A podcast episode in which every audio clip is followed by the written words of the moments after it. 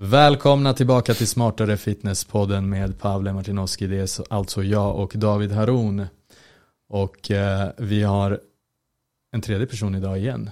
Och vi gillar de här gästerna. Senaste tiden har vi fått riktigt, riktigt bra gäster och vi hittar dem på så lite udda ställen. Den här gången David hittar du en riktigt vass gäst någonstans. Kan du berätta om det? Ja men det är jag som är gäst. Uh, fiskaren. Fiskaren. jag fiskar in gäster snabbt så fort jag träffar någon. Det känns så ogenuint. Så bara, ah, men du borde komma till vår podd. så direkt. Men eh, det är genuint, jag lovar, till alla gäster. Eh, men jag hittade den här personen, eh, jag hitt, eller jag hittade faktiskt inte personen på Nyhetsmorgon.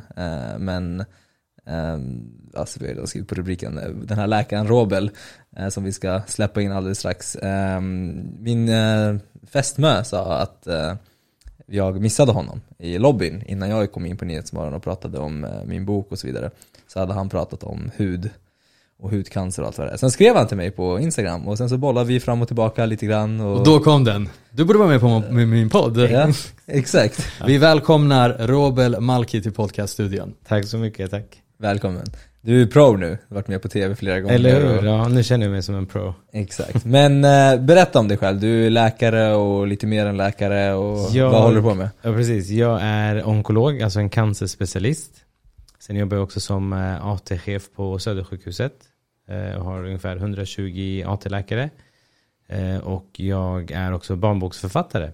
Jag har skrivit en bok som är en cli-fi, climate fiction, som handlar om mikroplastens effekt på eh, naturen och folkhälsan. Inspirerat i massa fantasy och magi. Mm, jag fick den boken. Ja, jag med, med en riktigt rolig liksom, eh, signering där. Men jag tycker att vi ska gå in lite på den boken i slutet för att, uh, som en liten bonus mm. för folk. Där du får liksom berätta lite om den och vart man kan hitta den, tänker mm. jag. Men jag tror folk är lite inne på att få svar på sina frågor nu. För att vi har dig här uh, det kan vi säga för alla som lyssnar som inte har fattat att vi har gjort det här som en frågestund där vi, som en frågestund där vi har tidigare lagt ut på Instagram ett inlägg där man i kommentarerna kunde ställa sina frågor och det har varit väldigt många frågor som vanligt. Kanske ännu mer, ännu fler frågor den här gången och det är kanske inte så konstigt kul. i och med att vi har en gäst. Och mm. det är en läkare och alla är så här, nu måste vi fråga doktorn. Mm. Så att vi ska fråga doktorn här. Men det, men det var ju också för att vi vi, vi tänkte först, ja, men vad, vi bollade ju fram och tillbaka jättelänge om så här, vad ska vi prata om? Och sen till slut blev det så här, men du är fan läkare, låt folk fråga, vad vill de? Mm. Istället. Så att, istället för att vi ska välja ut ett ämne specifikt så ja.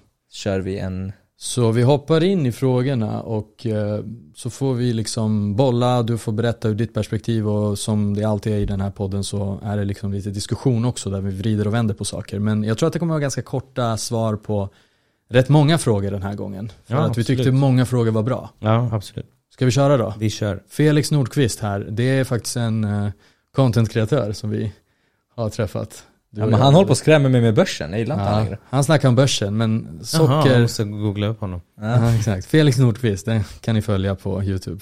Han snackar vettigt om börsen. Men han skriver ja. Kan socker leda till ökad risk för cancer även om man tränar som en galning och mer eller mindre tömmer sig på glykogen på veckobasis? Det är frågan. Och jag tänker att den är lite tvådelad. Han pratar lite om glykogen och cancer. Exakt, den är tvådelad och så är den väldigt eh, komplicerad också. Mm. Um, för att, um, eller om man tänker så här, vi kanske ska börja med att definiera eller förklara vad cancer är för någonting. Skitbra. Uh, och cancer är helt enkelt när uh, din cell delar på sig okontrollerat. Eh, och i vanliga fall så delar cellen på sig för att eh, nybildas och för att eh, reparera vävnad och liknande. Och när den gör det då finns det massa checkpoints, olika ehm, ehm, hållplatser för den, den som du måste bli godkänd på först för att sen kunna passera. Och när du får cancer så delar den här cellen på sig utan att den blir kontrollerad så att allt ligger rätt till. Och det blir så pass uh, okontrollerat att den bara um, får andra egenskaper. Den muterar. Ja. Och då börjar den bilda blodkärl, den skickar utskott för att kunna sprida sig och eh, precis som en vanlig cell så tar den också till sig näringsämnen för att växa. Och då är det inte bara socker utan då är det liksom fett och protein och allt möjligt. Men som allt. vanligt så demoniserar man då socker. Jag vill bara innan vi besvarar hans fråga, varför dör man då? Är frågan. Alltså vad, vad är det för att den till slut tar energi från Alltså varför du dör är en blandning av olika saker. Det kan vara allt från att eh, cancern sprider sig i kroppen och börjar eh, både ta eh, energi och eh, infiltrerar olika organ som gör så att de börjar eh, rubba sin funktion, alltså att de inte funkar som de ska. Det blir massa eh, giftiga mellanämnen. Eh, så det är liksom en en väldigt bred och stor fråga. Ja, jag håller med. Jag, Eh, jag, jag insåg det direkt. ja. Och du, du ska inte sitta där Nej, på nej, pottan och... men bara liksom kort, kort och gott så är det på grund av det bland annat. Eh, men sen om socker ger cancer, det kan vi inte svara på. Det finns inget direkt koppling eh, till cancer. Vad man ser är däremot att hög kaloriintag orsakat av till exempel överdriven sockerintag eller så och, och på sin tur eh, övervikt och fetma. Det ökar riskerna för cancer. Ja men sockret i sig, alltså det, det känns som att eh, det är lite grann samma sak som eh, när man hamnat eh, i dia- insulinresistens eller Mm. diabetes typ 2 och att man inte kan hantera socker längre. Mm. Men det var inte sockret från första början som gjorde det. Utan det var kanske ohälsosamma vanor, övervikt och allting. Precis, där precis. socker kanske var en del av boven i dramat. Och sen så pekar man då på sockret för att man inte hanterar socker längre. Men jag tänker att så här, cancerceller som du säger livnär Mm. sig på energi. Ja. Och det är inte bara socker då. Nej, och fettsyror till exempel, det är också en energikälla för cancerceller och därför man tror också att det finns en, eh, ett, ett, eh, eh, ett samband mellan övervikt och risken för cancer Ja. och liknande. Mm. Så, eh, och, och, att få en ökad risk för någonting betyder inte att du kommer få det. Det är Där vill jag, vill, jag vill fråga det. att Du- förstå. Jättebra, för att det är så här, jag har fusklappen här med frågorna och han har ställt frågan faktiskt. Mm. Kan socker leda till ökad risk för cancer? Mm. Äh, även om man bla bla bla bla. Och det är så här jättebra att du snappade upp den utan att se fusklappen här. Det är faktiskt alltså, två olika saker. Det är jättebra att du förtydligar det. Ja, Kan- exakt. En, en ökad risk kan man få av massa olika saker. Ja. Eh, vi vet till exempel eh, att det finns till och med en lista på ämnen som ökar risken för cancer. Till exempel eh, rökning. Där vet vi att eh, om man röker så eh, är det en väldigt högre risk att få eh, lungcancer. Och vi vet att eh, 90% av lungcancerpatienterna har någon gång, någon gång rökt. Mm. Men det är inte säkert att man får det. Sen vet vi också att till exempel processat kött, det ökar också risken för cancer. Mm. Och låt säga att det ökar risken med cancer, ehm, för cancer med 18%. Ja. Men själva risken för det att få tjocktarmscancer som den ju är associerad med eh, vid en viss ålder är olika. Låt säga att du är 50 eller yngre till och med. Då kanske din risk för att få eh, tjocktarmscancer är- ligger på typ 0,5%. Så får du en ökad risk att få det, då innebär det alltså att du får det från den procentsatsen. Så har du, äter du processat kött och det är 18% högre risk att du får cancer och din risk att få cancer är 0,5% då är det alltså 18% över 0,5. 0,5. Exakt. Det, blir, det blir väldigt lite. Det blir väldigt lite, I, precis. I, I absoluta tal. Precis. Det är väldigt viktigt att precis. Så det är viktigt att skilja på så här, om någonting kan ge en ökad risk, ja eller nej. Hur mycket är den här ökade risken? Vad var risken från första början till att jag skulle få det? Och så vidare. Ja. Ja. Om matten stämmer att 18% 1,18 gånger 0,5 är 0,59. Ja men precis. Så Så det det, så här- du går från, ja. Det går från 0,5% Du vet ju inte exakta procentsatsen. Nej men bara om man leker Ja. med tanken så man ska Ja. alltid vara, min poäng med det här är inte att nörda in i siffror utan att Sifferlek. ändå så här försöka fatta att så här, statistik är, kan man inte statistik och siffror då ska man hålla sig från att tro på det man läser, man måste få det förklarat för sig själv. Exakt, och det är väldigt lätt att bara slänga siffror också och, och eh, inte riktigt förstå eh, kontexten i, i hur det, det ska användas. Grymt. Men jag tänker också så här, frågan är ju tvådelad och det var ju inte bara socker kopplat till cancer utan det var också eh, så som jag tänker mig, han tränar väldigt mycket crossfit, han gör sig av med väldigt mycket energi, primärt kolhydrater för det är väldigt högintensivt. Tömmer glykogen. Ja, du tömmer glykogen och då är det så här, du behöver fylla på med glykogen skulle jag säga. Så Mm. ät mer, men det behöver inte vara Alltså det, är din diet i sin helhet som man får kolla på, liksom hur, hur näringsrik mat äter du i övrigt. Precis. Äter du jättenäringsrik mat och checkat alla boxar för näring och allting, det, det är inte så att du får en bonus om du äter mer näring än vad du behöver. Nej, exakt. Du, du, I ditt fall kanske det faktiskt handlar om en fråga om energi. Mm. Sen kanske inte du ska äta strösocker för att få extra karies, men du kanske behöver ta till med typ kolhydratstillskott för att kunna få i dig tillräckligt med energi om du bränner Mm, så mycket. mm. Så ät glukos. alltså, Ät bröd, vad fan, kom igen nu. ät Vi går vidare. Hanna play, plays bass. Eh, det här är faktiskt en intressant fråga. Eh, och hon skrev i två olika kommentarer, men jag ska läsa här och försöka att inte stamma som jag brukar. Mm. Jag har börjat styrketräna men blir illamående och ibland ledsen efter träning. Även om jag inte tycker att jag kört så hårt som jag egentligen kan så får jag denna fysiska reaktion ändå. Vad beror den på och finns det något man kan göra åt den? Och sen tillägger att detta är rent fysiskt. Jag är en väldigt glad person men det har hänt att jag börjat gråta efter träning eller haft lust att göra det. Eller velat kräkas på grund av illamående och detta trots att jag inte ligger på någon jättehög belastning. Intressant fråga tycker jag faktiskt. Mm, verkligen intressant. Också egentligen två frågor i ett. Men om vi börjar med eh, känslorna av eh, depression eller gråtfärdighet. Det finns eh, någonting som kanske inte är jättevanligt men eh, något som heter träningsdepression eh, depression eller nedstämdhet. Och man vet inte exakt vad det beror på men en teori är att när man tränar så utsöndrar man ju massa eh, glädjehormoner, dopamin och endorfiner och så. Eh, så man får liksom en boost i dem. Hej. En high, precis. Och sen så eh, slutar man träna, då dippar man ju, då går man ju ner oftast till sina normala nivåer. Ja. Och den här dippen kan kännas för vissa mer än för andra. Eh, så att man helt enkelt känner sig eh, liksom lite nere och lite deprimerad. Sen kanske också i det här fallet kan det finnas andra faktorer som vi inte känner till som är involverade. Nu försöker ju hon gardera sig från det. Men det kan ju vara också att det, det är blandat med att man är missnöjd med sin träning eller att man kanske tar i för mycket så att man är utmattad. Så att det blandat med utmattningsbesvären känns ännu mer som att man är ledsen. Och, och Men det låter ju väldigt så hormonellt som du säger, dopamin och endorfiner och allting, sen så bara kraschar man och så blir man ledsen. Exakt, jag tror att det är vanligast. Ja. Och just med illamående, det är lite vanligare. Mm. Eh, och jag där, mår ju illa om jag tränar hårt. är det sant? Men det är väl vanligt? Ja, i och för sig, det är precis. Om man tränar hårt ja. ja. Typ benpass kan jag känna så här, "Uff, alltså inte, alltså jag har varit på gränsen till att vilja spy, den känslan har jag haft. Men sen så vet jag, jag ser ju folk som Ja. vissa, alltså det är extremt såklart, men vissa Ja. spyr ju när de tränar jättehårt. Är Man har ju sett det på träningarna var, när, när, när jag har kört liksom på elitnivå och sådär. Vissa liksom får den här extrema, men då, då pratar vi att de, de kör hårt. Alltså det är Ja, ovanligt exakt, hårt. De, exakt. de mesar inte. Du vet, jag blir så glad av att jag tränar så jag går omkring och är, så här, jag är lite berusande, Ja, yes. nöjd med mig själv. Yes, jag yeah, I tränar. did it! Men när, man tränar, när jag tränar, typ nu kan jag känna det, igår körde jag Haron här ett hårt benpass.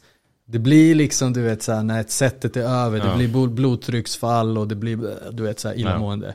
Men du tar ju i, vad fan. Det är stress, det är hög stress. Men har, har, du, har du tänkt Har- på något annat då? När Nej, alltså det, det, som sagt det är inte ovanligt och eh, då, då, försökte jag egentligen ta reda på liksom, vad är mekanismen bakom det och Mm. eh, det som jag tyckte lät mest trovärdigt var att eh, det sker en omfördelning av blodet i kroppen. Det ska ju gå till muskler, det ska gå till att få energi för att träna och då kan det ju gå från matapparaten, alltså tarmarna och magsäcken.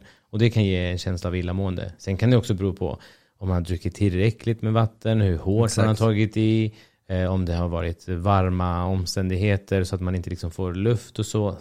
Illamående eh, kan ju bero på väldigt mycket saker. Och det är inte alltid man vet varför Nej. man är illamående. Men vi kan lugna Hanna att det är lugnt liksom. Det är helt, lugnt, vanligt. Absolut. Elin frågar, kan man påverka riskerna att drabbas av cancer? Och det är kanske en fråga som är lite likt den Ja, exakt. första, alltså så att vi har redan gått igenom det här, vad Ja. är riskerna egentligen? Alltså Ja, procentgrejen. Men det här är kanske lite mer omfattande. Ja. Och det finns faktiskt enkla saker man kan göra för att påverka sina risker och få cancer. Mm. Och det är till exempel eh, saker som vi tar för givet som inte så många gör trots att det är rekommenderat. Och det är exempelvis att gå på screening.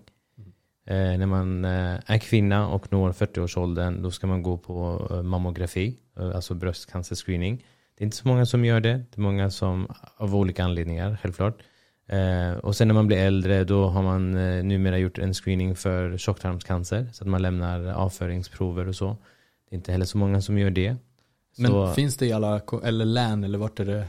Eh, just mammografi finns ju i hela landet. Ja. Eh, koloncancerscreening tror jag har kommit eh, runt riket nu mera. Ja. Men, eh, men en, en sån enkel grej att så här, faktiskt gå på de här screeningarna som man eh, får kallelse för. Ja, för man kan skita i dem.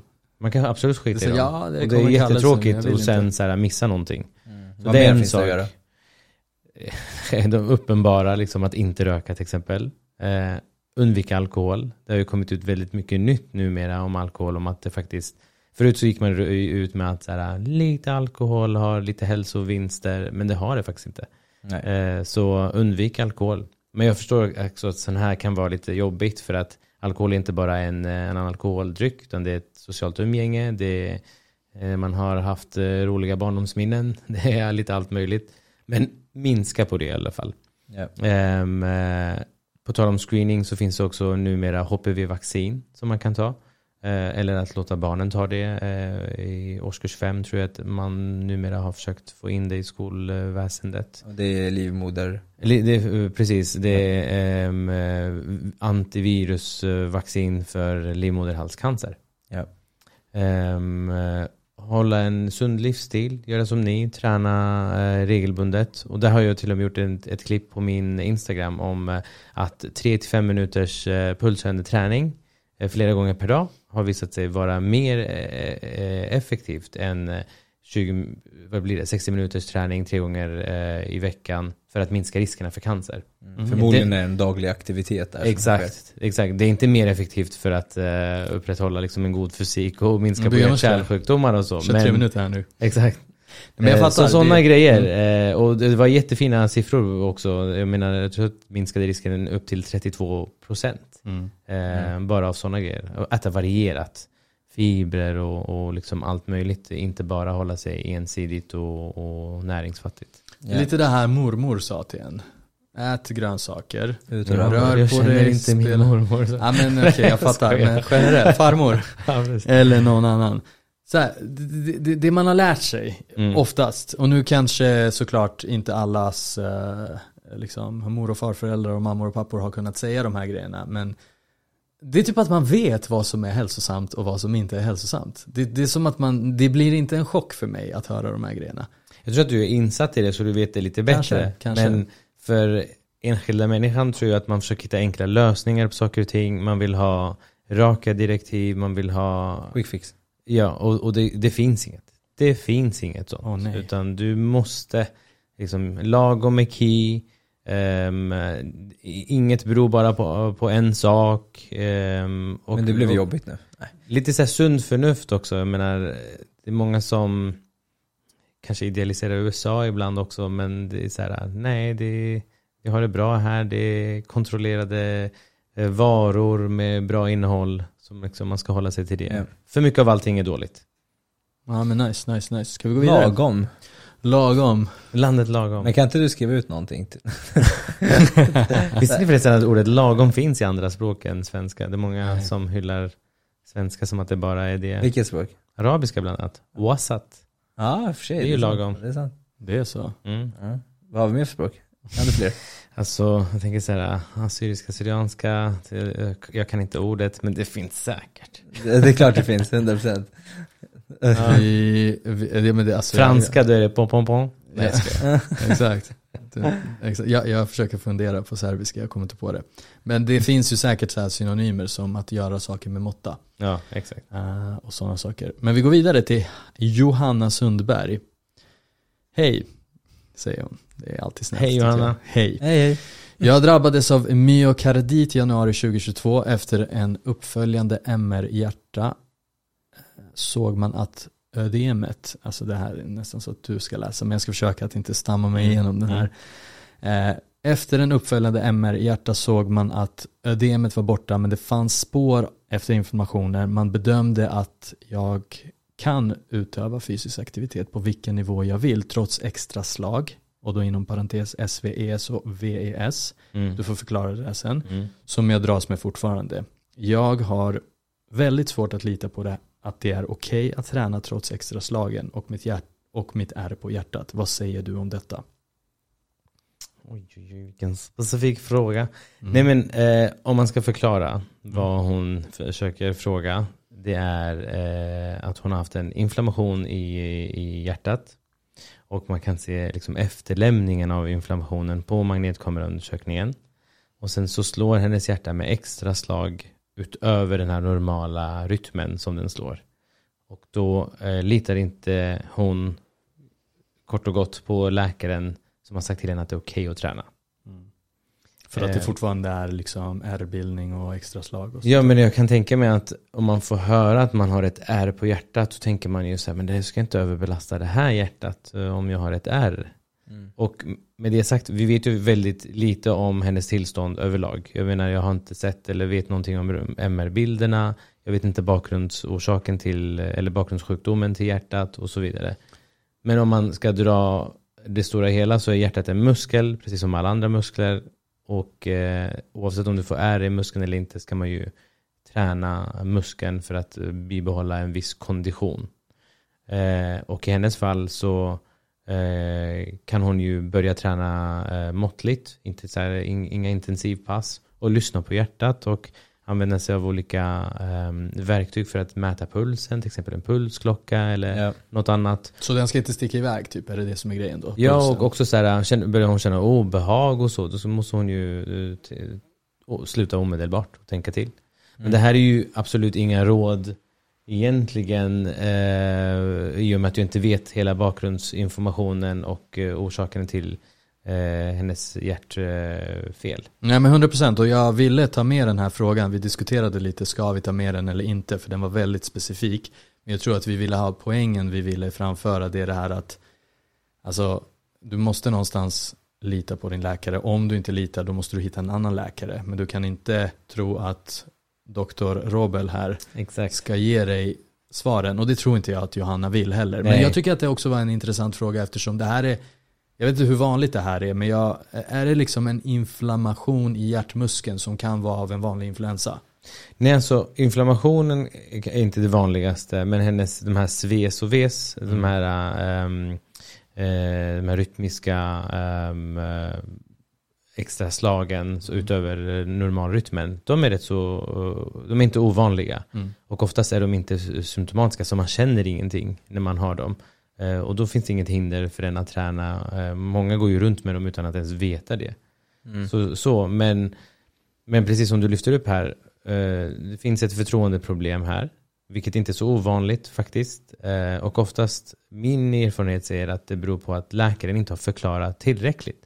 Man har inte förklarat vad det är man har, yeah. varför det är ofarligt att träna och, och också så här, kanske vidgat det hela, gjort det bredare och kunna säga så här det här ska du hålla utkik efter när det kan bli farligt och det här inte. Men man, har, inte, man har ju inte liksom blivit såld. Nej. På... Nej, och det, och det är jätteviktigt för att så kör jag med mina patienter. Vi har ju många cancerbehandlingar med massa biverkningar och allting. Och då är det jätteviktigt att berätta så här, att de här biverkningarna kan du få för att mm. den här medicinen går in på det här sättet. Och då ska du göra så här när du får den här biverkningen, då ska du göra så här när du får den här och så vidare. Ja. Vi ska gå in på en biverkning här, för Monica Andersson frågar hur påverkar tamoxifen kroppen? Upplever att det är tyngre att träna nu än innan min bröstcancer 2019? Eller är det helt enkelt så att cyto, du får förklara det också. Det är cytostatika, alltså cellgifter. Okej, okay. brytit ner kroppen så totalt. Min onkolog säger att det tar tid. Mm. Jag har kört nu styrke, träning och jogg och framstegen går så långsamt. Har opererat mm. bort flertalet lymfar i arm. Kan det vara orsaken att kroppen känns tung? Så det är alltså den här tamoxifen Vad är det? som är frågan. Tamoxifen, om man börjar först med att när man får bröstcancer så finns det olika typer. Och eh, en eh, vanlig typ är eh, bröstcancer som helt enkelt får bränsle eller stimuleras av östrogen. Och det är mm. det vanliga liksom, naturliga kvinnliga hormonet. Ja. Så tamoxifen är en östrogen receptorblockerare. Den ser till att man blockerar östrogen så att cancern inte längre börjar växa eller att man minskar återfallsrisken ja. för den här typen av cancer. Och det är en väldigt vanlig behandling för bröstcancer eftersom det är många som får en östrogen eh, receptorpositiv cancer. Eh, och den har mycket biverkningar, tyvärr. Alltså den, den kan ge ledsmärtor, den kan påverka muskler och man blir generellt trött av den. Så det förklarar nog varför kondisen är sämre. Mm. Sen verkar det som att hon också har fått cellgifter. Mm. Och cellgifter är ju rena, precis som namnet tyder, gifter. Det är ju bokstavligen gifter som går igenom kroppen och, eh, inte bokstavligen, men det är gifter som eh, dödar cancervävnad men också frisk vävnad. Och när den, när den dödar frisk vävnad så får man biverkningar. Mm. Och, eh, och det tar tid att återhämta sig. För en cellgiftsbehandling är inte bara en, två veckor utan det är flera månader. Och vi liksom bryter ner kroppen I hopp om att döda cancerceller. Ja, liksom. och också minska på återfallsrisken. Mm. Så det, Så det, kommer ta tid, det är helt naturligt, eh, det är bara att kämpa.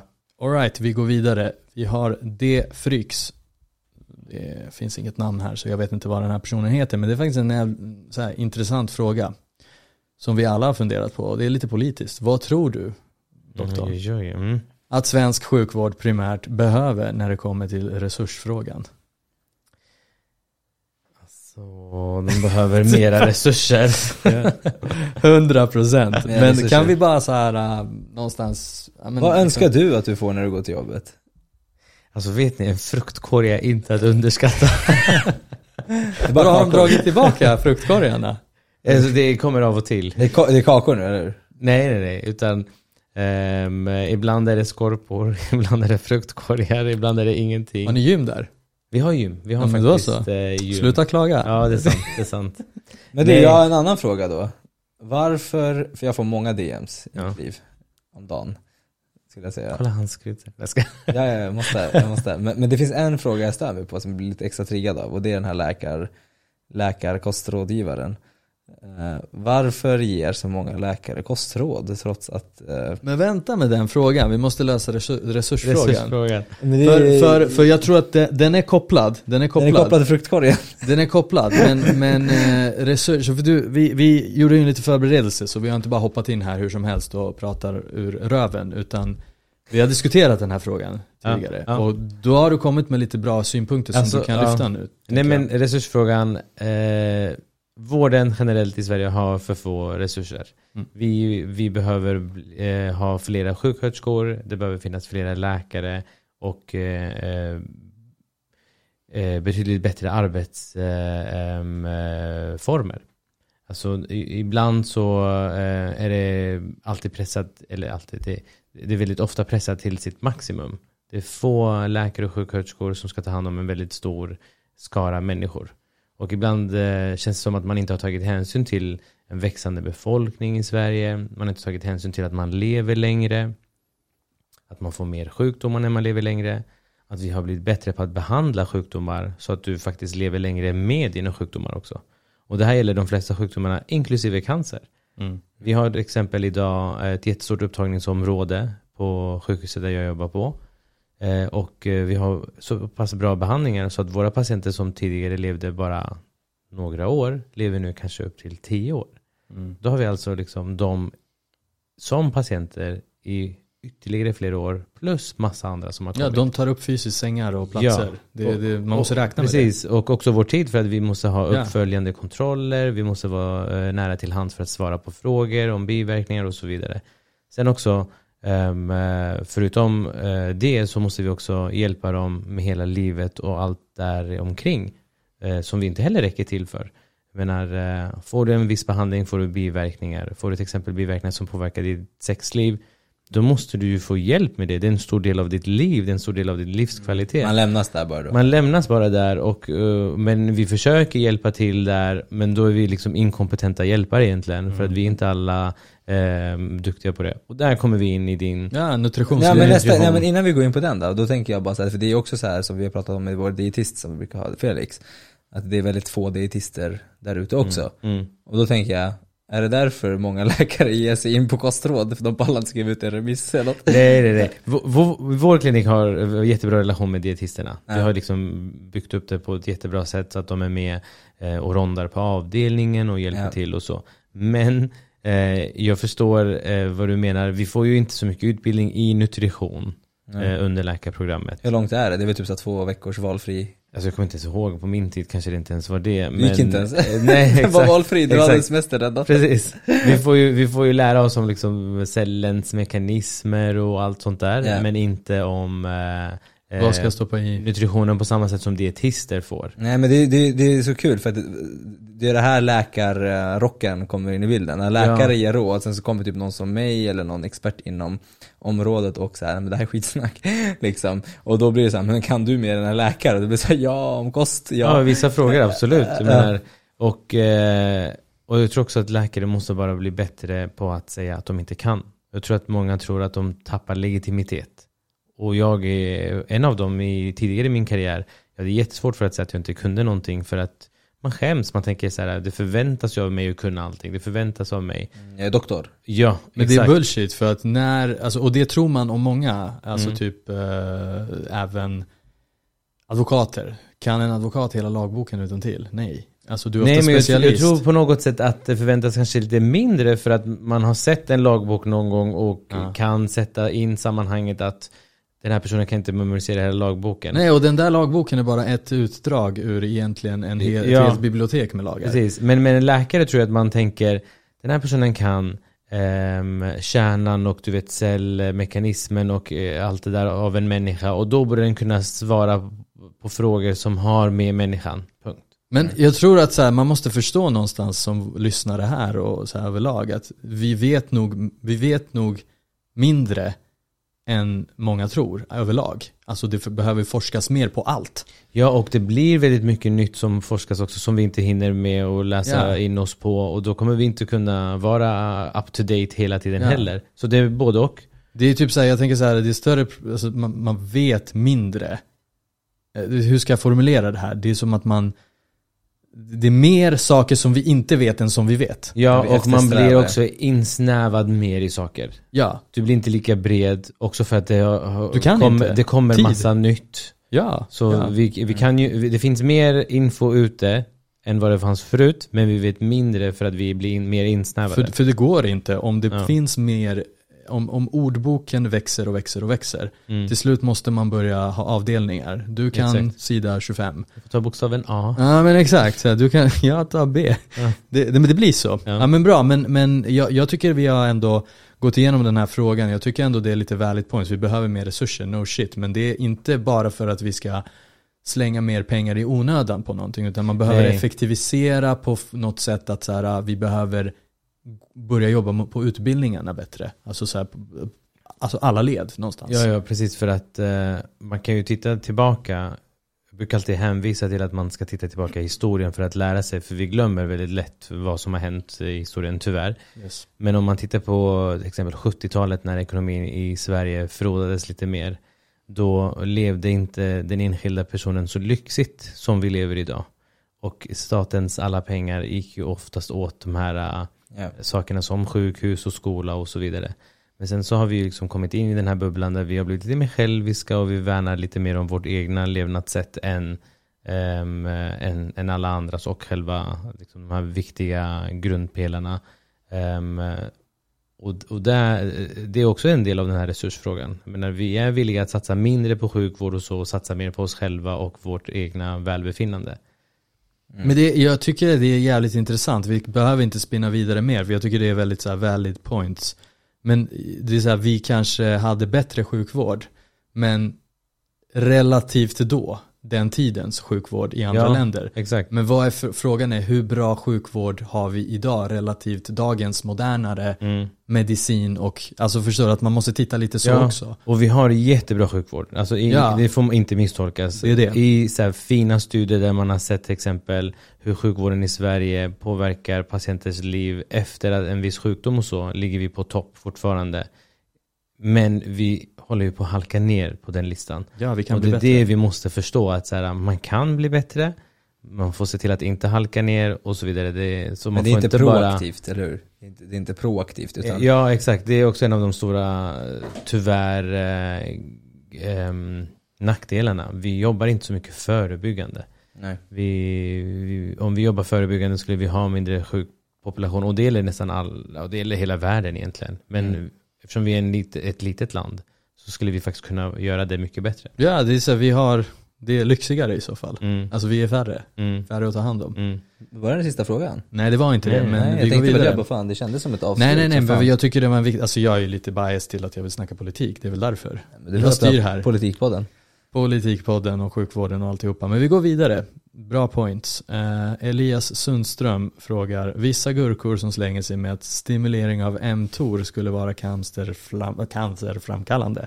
Kan du förklara detta? Men börja med mTOR då. Ja. mTOR är ett, eh, ett, ett signaleringsväg i kroppen, eh, eller det är en dirigent kan man säga, Ja. som liksom ser till att eh, protein byggs upp och, och bryts ner på rätt sätt och att eh, cellen delar på, eh, sig på ett rätt sätt.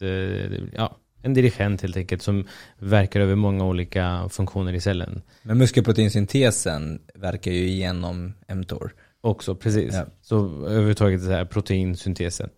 Ehm, och vad ehm, teorin är ju att, eller vi vet ju att eftersom den har den här funktionen i cellen så påverkas ju den eh, också när man har cancer. Eh, så att man har sett att när man stimulerar mTOR i cancerceller då ökar de celldelningen och allting.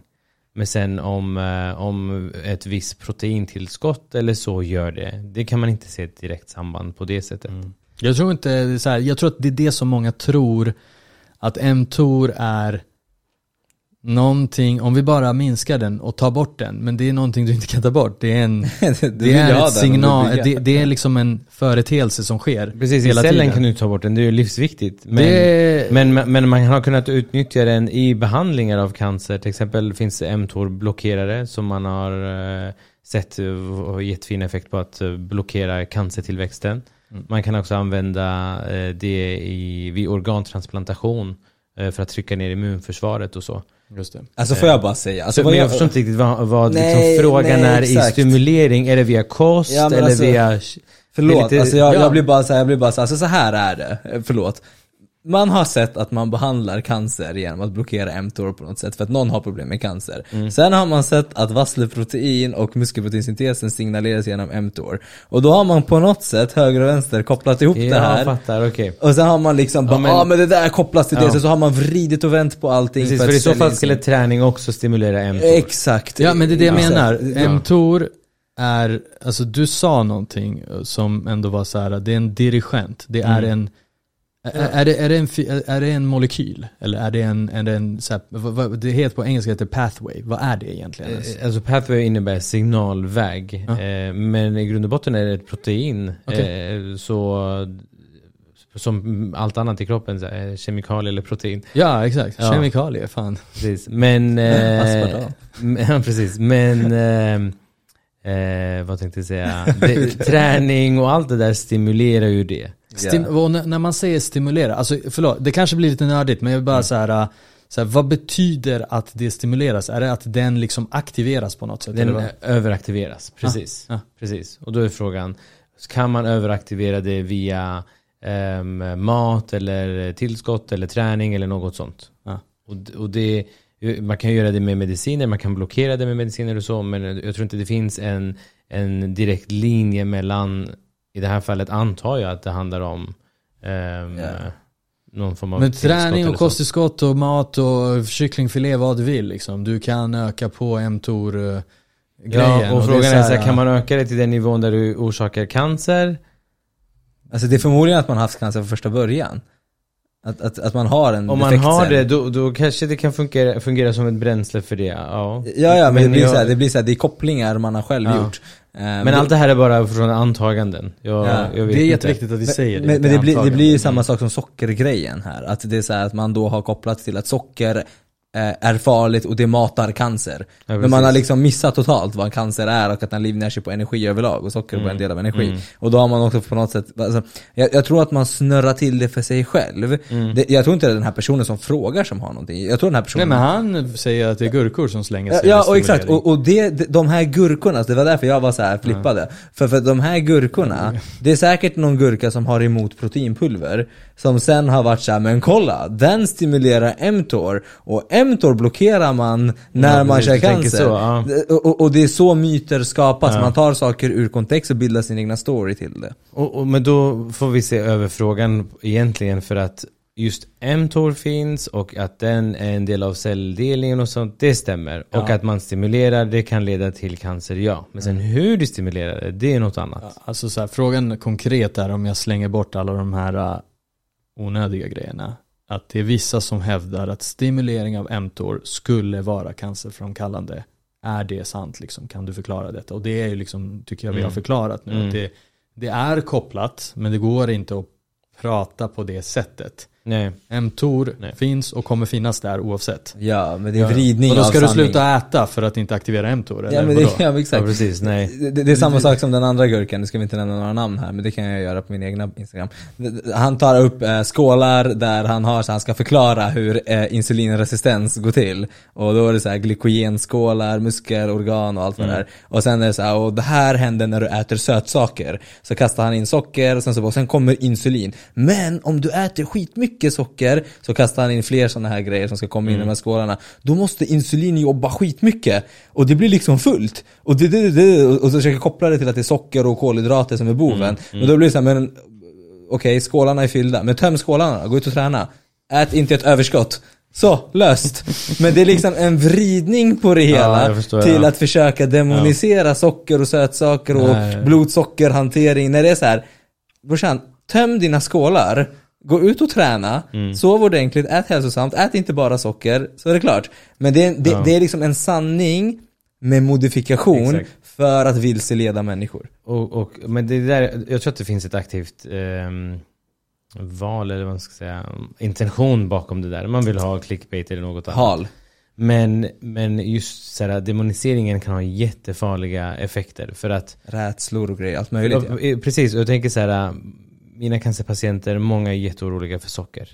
Och, eh, och jag försöker förklara för dem att det inte finns ett direkt samband. För att hade det funnits det, då skulle man till exempel eh, minskat på eh, cancercellernas tillväxt av att fasta. Exakt, det är Exempel. inte så att folk blir av med sin cancer av att börja med keto. Exakt, det, det, det ser vi aldrig. Och Precis. sen så eh, vet vi ju att det finns egentligen glukos i allting. Alltså, du kan aldrig begränsa det helt och hållet och att du gärna till exempel behöver det. Sen har vi också sett att så här, när du inte äter i dig tillräckligt mycket med eh, energi, Ja. får i dig tillräckligt mycket med energi, då börjar eh, muskler brytas ner för att tillgodose kroppen och cancern med energi och socker. Exakt. Och då förlorar man massa muskelmassa. Ja, Och- men bara förlåt, men ja. det är ju att även om du kör keto och skiter i att ta i, få i dig socker genom maten så kommer kroppen, kroppen är smart. Kom, kroppen kommer skapa Ja. glukos själv. ja, Så att det är lite så här, äh, håll käften och ät vad du vill. precis. Alltså och, någonstans. Och, och varför jag ville ta upp det här med cancer är för att så här, när du kommer till en nivå där du är så pass svag att du inte ens orkar med en behandling eller orkar återhämta dig, då är det ju katastrofalt farligt. Då har man ju verkligen så här, gått till överdrift med den här demoniseringen av socker. Och det är det många inte förstår. Man ger ju cancerpatienter väl sockertillskott ibland till och med för att så här, Alltså näringsdrycken Ja. är ju hög energi näringsdryck. Ja, ja exakt. Och, och, Men, och, men, men, men du innehåller också massa protein, du Ja, innehåller ja, massa ja. annat också. Det är en blandning. Tallriksmodellen liksom. Och, och jag förstår att, att eh, vi inte har den nyttigaste maten på sjukhus. Men det är aldrig så att vi eh, med flit bara göder på med socker bara för att det eh, skadar någon. Absolut inte. Jag menar, eh, vi, vi gör ju det här för att de ska orka, för att de ska få behandling och också för att vi har sett svart på vitt att inget, att fasta kommer inte hjälpa, att svälta ihjäl det kommer inte hjälpa. Det kommer eh, göra tvärtom. Exakt. exakt. Så, så det, det är så här, äh, vissa hälsogurus kanske inte riktigt förstår vilken skada de gör. Nej. Så det jag där Elias Sundström, han vill ju bara veta varför gurkor säger sådana saker som att det Ja men Elias, det är för att de är Det är gurkor. För att de är gurkor. Därför. Så att vi, vi kan stänga den pucken och nu har vi några stycken snabba frågor som handlar om just protein och proteinpulver. Mm. Eh, och vi kan börja direkt med eh, Vi är biased. Mohammed Hussein. Mohammed, Mohammed Hussein frågar här, vad händer om man tar mera protein än vad man riktigt behöver? Och också så här, en jättebred fråga, vad händer med vad? Med, Med kroppen, protein. med... Eh, ex- ja, bra, bra, bra, bra. Vad händer Alltså med vad? du, vad händer Vad med vad? Med hända? kroppen, njurar, Ja. levern. Ehm, antagligen inte så mycket. Är du njur och lever och allt det där friskt så kommer det inte hända så mycket annat än att du omvandlar det till kolhydrater och kanske blir fetare. Ja. Eller inte går Och- ner och- som och- du önskar. Om det är Exakt. så att du tar i mera, för vi måste prata liksom ur, fråga oss så här, okej Betyder det att du tar mera protein än du riktigt behöver och är i ett kaloriöverskott också? Ja. Men det behöver det inte vara. Nej, och Alltså så- min fråga blir varför? Ska du Varför tar du mer protein? Ja men det är lite, bro, jag vill ha, det är 3 gram per kilo kroppsvikt och det är gains. Alltså det, Ja, Okej, okej, okej, jag kan tänka så här. Det är ett scenario han tycker det är fett gott med protein. Han vill äta steak. Ja, jag, jag älskar han, han vill kött. äta kött. Ät, ät. Och jag älskar proteinpulver. Jag älskar proteinpulver från Certain. Alltså fibrer är också bra. 100%. Ja, det, det, det, är det är för sig en valid point. eh, Att du kan ju, om du tar kalorierna från för mycket protein, så kan det ju bli så att du får näringsbrist i andra saker som till exempel Ja. fiberrik mat eller Precis. näring från andra ämnen. Ehm, Men, men överlag, om du har energibudget för det och är frisk, som doktor här säger, ät vad du vill. Ja, men, och det är också så här, äh, ska du göra det kroniskt hela tiden och bara du vet så här, äh, Bara för att, alltså kasin. leva på proteinpulver och Ja, nej, steaks, då absolut är det kanske inte så bra. Nej. Men det är, inte, det är inte för att din njure inte pallar. tänker Men då är vi där igen, då är det fel på din diet i sin helhet. det är det, Ja. det, är det. Men är du njur och, eller leversjuk eller något Där sånt, då ska du absolut vara försiktig. Ja. Eh, jag tror att eh, ehm, njur, eh, nu kommer jag säga Men det är fel, en filtrering. Samförbundet eller något sånt. De har ju kommit ut med att, här, att alla de här proteintillskotten och proteintillförda eh, livsmedlen och så eh, kan göra stora skador för njursjuka och att man måste tänka sig för. Skitbra, då kan Ja. vi släppa den pucken. Men, Men det en sak om samma. proteinpulver, en rolig fakta. Ja. Det är att många innehåller, eh, det- det här var alltså Harvard Health som gjorde en undersökning på typ så här 134 märken. Säkert, säkert inte ert märke. Men eh, det, det innehöll, eh, 130 av de här 134 innehöll massa tungmetaller Mm. och eh, mikroplaster. Men det, det är finns pro- mer än så. Det är processen i hur man tar fram säkert kan jag tänka mig och sådana saker. Säkert, men, men bara så här en, en bra grej att tänka sig för att eh, proteinet kanske inte skadar dig men innehållet i det här om det innehåller tungmetaller eller något sånt det är oreglerat, vi vet inte hur mycket det Vad finns. exakt köper du, just ja, du som och går det på... kan skada dig så att han inte börjar tro att nu kan jag ta hur mycket jag vill för att eh, Exakt. Men Till Pavle, varför, varför var är ert protein så dyrt? Varför är vårt protein så dyrt? Ja och du, det kan man ju fundera. Är det dyrt eller är det bara det det kostar för att göra det bra? Exakt. Nu hade vi en sketch Men ni här. hade ju en, en jättebra grej som ni sa att ni, ni kollar ju på er Ja, vi protein- skickar dem på labbtest. Så det är Ja. det. Va- det. Det är därför han försökte liksom skoja till det här med att det är dyrt. Det är inte dyrt om man tar, tar hänsyn till vad fan vi gör med vårt protein. Mm. Vi köper inte den billigaste råvaran från gud vet vart. Utan vi köper protein. Köper inte från Kina, ni köper från Taiwan. Det, det är Jag det. tänkte säga Egypten bara för att inte vara rasistisk. För att- Men, eh, men precis, så vi köper, vi väljer inte den billigaste råvaran från gud vet vart, utan vi väljer nå- något vettigt, proteinisolat från vassle till exempel, eller kasein. By the way, vårt kasein är också ett kaseinisolat. Det är också dyrare, också bättre. Eh, och vi labbtestar framförallt, när vi sen liksom, för, för producenter kommer med sina egna certificates of analysis. Vem Och det är så här, äh, det här är, vi har testat det och det är Mm. så här mycket proteiner i torrvaran när den kommer upp och så här Mm. mycket. Det finns lite olika grejer såklart, protein, kolhydrater, fett, det finns lite aska, lite, alltså standardgrejer när man tar fram produkter. Eh, mjölkprodukter då framförallt. Men vi smaksätter, fyller och sen så gör vi ett labbtest på färdiga produkten också. Mm. Så det man kan liksom ju- hålla kedjan, alltså man kan, man kan ändå se att kedjan håller. Ja, så att det inte är så här, jo vi lovar, här har du ett papper, vem skrev på det här pappret? Jag vet inte. Ja. Nej men inte bara det, det här är ju också bara i, i kontext att så här, tungmetaller och sånt. Sen så finns det ju andra saker som... Doping. Exakt, ja men exakt. Men det, det, det jag försökte säga var att doping, tungmetaller och allt det här det är ju en kategori av saker man kanske inte vill ha i sin kropp. Men sen Mm. finns det ju ofarliga saker som också har med varför vi labbtestar som till exempel att man späder ut proteinet med billigare aminosyror och spikar och fuskar med innehållet och sådana grejer också. Ja exakt, nej men aspartam har vi fyllt av. det, det, det, det har vi mycket av. Aspartamnivåerna Men jag, ska tänk, jag tänkte på aminosyror som är meningslösa, att man fyller i med så här Mm. meningslösa aminosyror för att spä ut skiten. Eh, så det är mycket fusk med proteinpulver. Ja, vi ser till att det inte är fusk och det får faktiskt kosta lite mer för att Fast det gör ju inte det. Alltså. Jo men eh, alltså objektivt så är det en dyrare prislapp på våra grejer. Men då är det, det finns ju en förklaring. Exakt. Så du, att du Att du vill tycker- ha tungmetaller? Att du tycker att det är Nej men om man jämför Att isolat du tycker att det är billigt Ja, säger... det, Nej. det säger väl mer om dig. Ja. Nej men exakt, nej men vi, vi så här, det är också lite så här, vad värderar man? Vill man liksom ta det billigaste? Fine, men inse bara att så här, då kanske det inte finns råd, eh, det finns inte en budget i det där företaget att göra det på ett kvalitativt och bra Mm. sätt. Sen finns det regleringar, men just i kosttillskott så finns det inte regleringar. det är exakt det som är grejen. Exakt. Och du tror, inte, Därför. jag tror inte folk förstår det. Vi Nej, kan, ju- jag vi, tror vi, inte vi, folk kan, vi kan ju direkt det. när vi ändå är på spåret ta den där frågan med gravida. Ja, men det är den jag tänkte komma Ja, till för, nu. för, för att det är där, jag tror att det där kan vi knyta in säcken. Ja. Så, så att basically frågar ju hon om man ska ta... Får jag ta frågan? Ja, ja, men, ja men jag tänker jag kan frågan ändå. Så, så att det är så här, va, får gravida ta proteinpulver? Och då blir det så här. jag kan ju svara för alla här, att så här, proteinpulvret i sig, mjölk är förmodligen fine. Men produkten i sig, ingen aning. Blir svaret. Nej, och, så här, man vet inte vad det innehåller, man vet inte koncentrationen av det som det den innehåller av. Och man gör inte studier på gravida och barn i samma utsträckning som på andra på grund av etiska och moraliska orsaker. Ja.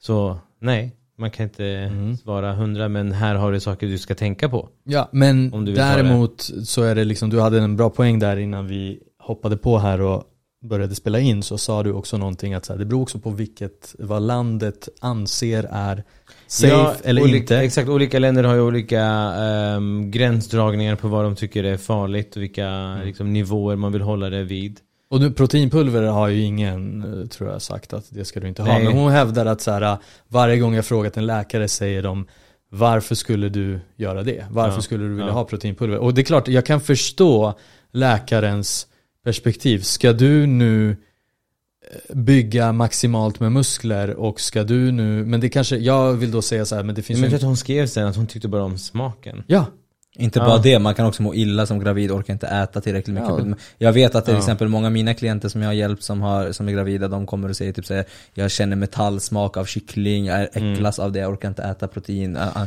Och då är det så här, men vassle kan jag dricka, det är jätteenkelt. Och då blir jag också så här, ja men då får du köpa ett vassle som är labbtestat och som är men safe. generellt proteinpulver är ännu en proteinkälla som är en grej i ditt ska fri liksom. Hörni, vi kör sista frågan här nu för att eh, doktorn ska hoppa på ett skift. Ja, precis. Minna Lindström, eh, och det här är lite eh, allvarlig fråga och jag tycker att det är jättebra att du vågar ställa den här frågan eh, och blotta dig. Eh, för hon säger så här, jag har kronisk bröstcancer, eh, har haft cancer två gånger innan och tredje gången satte det sig i ryggkotan. Hur bör jag tänka kring mat? Allt det här med koffein, socker, alkohol, rött kött, rött kött. Mm. Lever rätt sunt, men man blir ju lite manisk med allt. Hur ser du på det? Äter sällan något speciellt efter jag blev sjuk, men får ångest om jag gör det. Och får sådana hjärnspöken. Um, så att uh, det var frågan. Ja, alltså, jag, jag, vi touchade ju det här ämnet lite innan också och Mm. jag eh, förstår henne stackaren som eh, blir lite manisk men eh, det ska hon absolut inte vara. Och någonting som vi inte har sagt om det här det är ju att eh, att få cancer är aldrig någons fel. Det är aldrig liksom, patientens fel eller något sånt utan det, du hade helt enkelt otur som fick cancer. Jag tror att det är viktigt att förstå det för att man kan leva sunt och liksom göra allt rätt men man kan fortfarande få det. Så det är Ja. nummer ett. Och man kan vara den här 95-åringen som har rökt hela sitt liv och aldrig fått cancer. Exakt, exakt.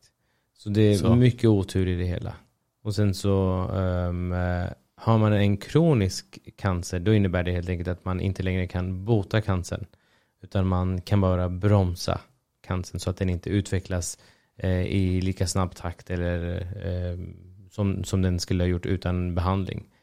Och är man i ett sånt tillstånd då eh, finns egentligen ingen vits att hålla på och eh, eh, bli manisk med sitt matbeteende eller något sånt. Utan det viktiga här är att hålla en, en sund och bra livsstil som kan få dig att orka med behandlingarna till exempel. Eh, och att eh, eh blanda lite livskvalitet i det hela också. Du, att, ta, att dricka ett glas vin här och där kommer inte leda till att du blir sämre i din cancer eh, när, du har, när du har en kronisk eh, cancer. Däremot kanske det kan påverka din cellgiftsbehandling och då får man ta det då. Liksom. Se till att man får sin behandling och så får man ibland pauser och då kan man unna sig det där glas vinet eller något annat som man tycker är gott eh, och liknande. Ja. Så absolut inte manisk och, och absolut inte um, oroa sig för mycket. Mm, Men det, det, du sa det någonting där, jag, jag fastnade lite på det och det är det här att när man väl håller på med en behandling så kanske det finns riktlinjer under behandlingen. Ja, och där brukar vi också uppmuntra till att man ska träna en hel del för att man har sett att biverkningarna minskar väldigt mycket med träning. Ehm, och man mår bättre, man blir piggare och så vidare. Och det kan man fortsätta med. Men, också, eh, men inte tro att eh, träningen kommer att eh, eh, bota min kroniska cancer så må dåligt över att man inte tränar tillräckligt och att man gör det för mycket. Du vet, det, det är en, en fin balans där. Det blir måste sunt. finnas livskvalitet. Man måste någonstans leva. Det Ja. är, med cancer och utan cancer så är det det här, äh, det finns risk för vissa människor hamna i det här maniska oavsett, Mm. vad, oavsett om de har Och inte så konstigt när du har massa som varnar dig för allt och inget. Ja, exakt. Det är det jag menar. Och det är någonstans så här, du måste också leva och det kanske är så här extremt viktigt att när du är i en sån, en sån cancer där du har det kroniskt, liksom, att det är så här, Mm. okej men vadå? Ska jag nu gå runt hela tiden, varje sekund av min vardag och Mm. oroa mig? Precis. Det är liksom inte... Ohållbart. Ja men exakt, exakt. Ja men bra, bra svar där tycker jag. Ehm, och då återstår bara en sak idag på den här podden och det är att du ska få prata om plast. Jaha, menar så? Ja. Ja, jag vet inte vad ni vill höra. Men... Nej men du har ju skrivit en bok, en barnbok och Ja. eh, jag har fått den signerad och du pratade om den tidigare i podden. Men nu ska du få berätta lite, vad, vad är berätta det för projekt? Och jag Alltså att, jag, jag eh, har alltid velat skriva en barnbok för jag älskar eh, fantasyböcker och så. Och sen så som förälder så ville jag också ehm, att mina barn skulle läsa, läsa en bok där de lärde sig någonting av det. Inte bara det roliga med Harry Potter. Eh, precis, utan också så här, lära sig någonting eh, som de kan ta med sig. Och på tal också om att eh, jobba förebyggande Ja. så eh, tänkte jag att eh, barnen som kommer att utsättas för någonting i allt mer eh, i den närmaste framtiden som de måste lära sig om och förstå hur det funkar. Och då eh, valde jag att skriva om mikroplaster och deras effekt på naturen och faktiskt på människan. Eh, och samspelet däremellan. Men på ett roligt sätt. Jag menar, det är två syskon som tar en genväg genom en skog och eh, de träffar ett magiskt träd som kan eh, som har magi och så förvandlas de till olika djur och växter för att eh, någonting mystiskt sker i skogen som dödar eh, djuren på ett Mm. oförklarligt sätt. Eh, Och då får man liksom eh, vara med där och, och lära känna den här, de här djuren de förvandlas till och eh, hur de påverkas och hur människan påverkas och så vidare. Du, du har gett upp hoppet om den äldre generationen och bara upp på barnen. totalt. Den äldre bryr sig inte ett smack. Ja, ja, ja. Så om man vill påverka både miljön och lära sina barn någonting vettigt, förutom Counter-Strike, Vad heter boken? Exakt. Boken heter Helane och den magiska skogen. Var kan man köpa Eh, den? Den kan man köpa på eh, de flesta bokhandel och eh, nätet. Adlibris finns den på till exempel. Fantastiskt. Och, Ska ja. vi länka? Vi kan länka till någon av sajterna. Ni kanske kommer en sån här dubbletter, köp de här tillsammans. Exakt. jag har testat Och allt är och man- Helene. Ja, precis. Är man inte intresserad av mikroplaster och allt det där, då kan man lyssna på min podd. Sjuka myter heter den. När kommer den? Den kommer ut i augusti, jag vet inte exakta datumet, men eh, jag säger till. Men ni har redan spelat in, eller hur? Vi har spelat in en hel säsong. Så det är en läkarpodd? Det är en läkarpodd och vi spräcker medicinska myter. Den är också för barn? Nej. Den är också för barn. Nej men det är korta avsnitt, det är lättsamt och det ska väl liksom bara ge dig lite info. Ja. Jag skämtade såklart men det är, barn får lyssna på den också. Man får absolut För lyssna. eh, här svär vi men inte där. Nej, inga, inga åsnor och gurkor och... nej, nej, nej, nej, nej. Så gurka är en svordom alltså? Ja, då vet vi det. Ja. Det är en förolämpning i alla fall. Ja, ja. Nej, men det, det är hur man tar det. Offense is not gi- give, it, Oj, given, oj. it's taken. Det här är filosofi alltså. Ja, men det, betraktar det, är skör, det är gurka, det är vatten. Ja det är sant, det är gott. En dyr vattenflaska. Alltså på serbiska, svordomarna, jag kan tänka mig att på eh, era respektive språk är det också grovt. Alltså svordomarna är grova. Ja. Men när man säger till någon, dra åt, eh, och så istället för att säga något grovt så kan man säga en grönsak typ. Ja, ja. Ja. Men och det, det, är samma, blir det är typ samma att, att- men hallå du menar ju dra åt helvete fast du säger bara Exakt. persilja. Exakt. Men vi har också jättegrova svordomar, men sen så, typ så här, säger du till någon, eh, kallar du dem för någon hund, eller, eller kallar du just för gurka, det kan uppfattas jättehårt alltså. Nej, men det är ju, det är ju, En gurka. Vi kör. Ja. Kör då. Robel, tack så mycket för att du tog dig tiden. Det här var skitkul. Vi hade Tack lite... för att ni bjöd mig. Jag tror inte det här är första gången så att du vet. Jag hoppas det. Du är välkommen. Ja, ja, ja. Du blir ja, läkarfilialen av Certain. Certain, Oj, oj, oj. Dr. Certain. Betyder det att jag får gratis proteinpulver? Ja, om, du, om du gillar aspartam jag måste så. ha ett nytt stetoskop. ja, just det. Jag ska fixa blodtrycksmanschett. Ja, jag måste Det fixa måste du det. Nice, nice, Ja. nice. Hörni, tack så mycket för att ni tog er tiden att lyssna på det här. Jätteviktigt avsnitt. Tack Robel igen. Eh, följ Robel på Instagram. Och vart mer? Eh, Nyhetsmorgon. Nyhetsmorgon, nej. Det är bara på Instagram. Mm. Och TikTok har jag också. Ah, Instagram och TikTok. Ja. Vi länkar. De och eh, köp boken. Köp Davids bok. Köp alla Köp våra Lyssna på allas podd. Lyssna på allas podd. Var en snäll människa och ge oss ett omdöme. Precis. Ska vi säga så? Ja. Puss. Alright, ha det bäst. Tjaba. Hej.